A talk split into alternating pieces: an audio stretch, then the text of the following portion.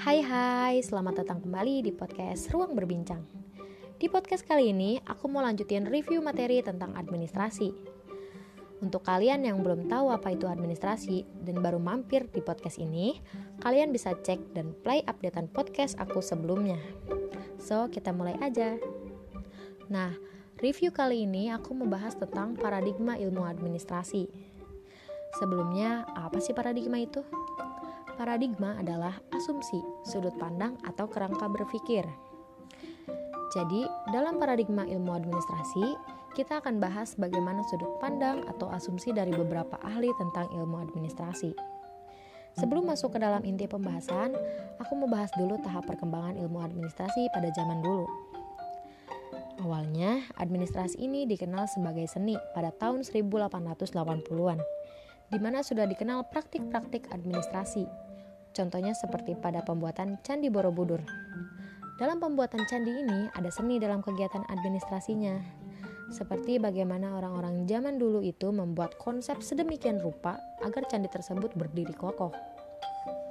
Lalu pada tahun 1910-an ada periode klasik yang di mana sudah dikenal gerakan manajemen ilmiah yang dipelopori oleh Frederick Winslow.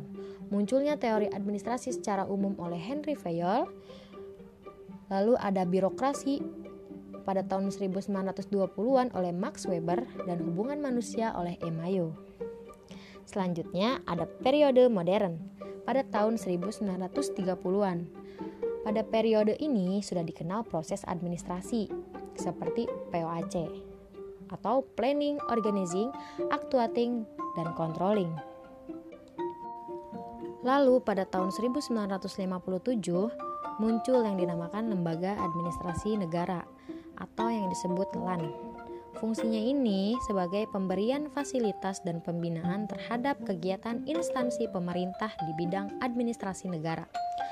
Dalam perjalanannya, administrasi bukan suatu hal yang mutlak karena di dalam prosesnya pasti ada perubahan-perubahan yang terjadi. Lalu kita akan masuk ke dalam inti pembahasannya yaitu pemikiran e, beberapa ahli tentang administrasi. Yang pertama ada Henry Fayol. Beliau berpikir bahwa dalam kegiatan administrasi itu ada fungsi-fungsinya. Dalam proses administrasi itu ada yang namanya POAC yang tadi sempat kita singgung. Beliau juga mengamati kegiatan administrasi dari puncaknya yaitu pimpinan atasan sampai ke bagian manajemen tengahnya saja. Oleh karena itu, pendekatan yang dilakukannya ini disebut dengan manajemen administratif. Yang kedua ada Frederick Winslow.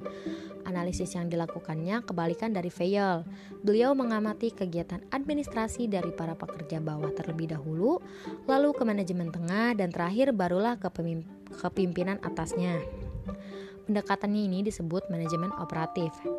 Frederick menganggap setiap pekerja harus melakukan pekerjaannya sesuai dengan kemampuan dan perlu pelatihan untuk metode kerjanya agar produktivitas kerjanya itu terjamin.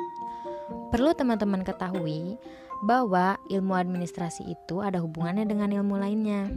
Kenapa? Karena syarat ilmu itu ada objek formal dan objek material. Objek formal yang dimaksud berdasarkan sudut pandangnya, sedangkan objek materialnya itu lebih kepada bahasanya. Contohnya seperti hubungan ilmu administrasi dengan ilmu psikologi. Tentu kita ketahui bahwa ilmu psikologi itu mempelajari tentang perilaku individu. Lalu apa hubungannya dengan ilmu administrasi? Karena dalam administrasi, seorang administrator harus mengetahui perilaku individu anggota organisasinya, maka diperlukannya ilmu ilmu psikologi ini. Selain ilmu psikologi, ada beberapa hubungan dengan ilmu lainnya loh, seperti ilmu politik, ekonomi, antropologi, sosiologi, dan lain-lain. Nah, itu dia sekilas review materi tentang paradigma ilmu administrasi. Semoga dapat menambah wawasan teman-teman semua terhadap administrasi. Terima kasih sudah mendengarkan podcast ini sampai selesai. Nantikan kembali updatean di podcast Ruang Berbincang selanjutnya. See you.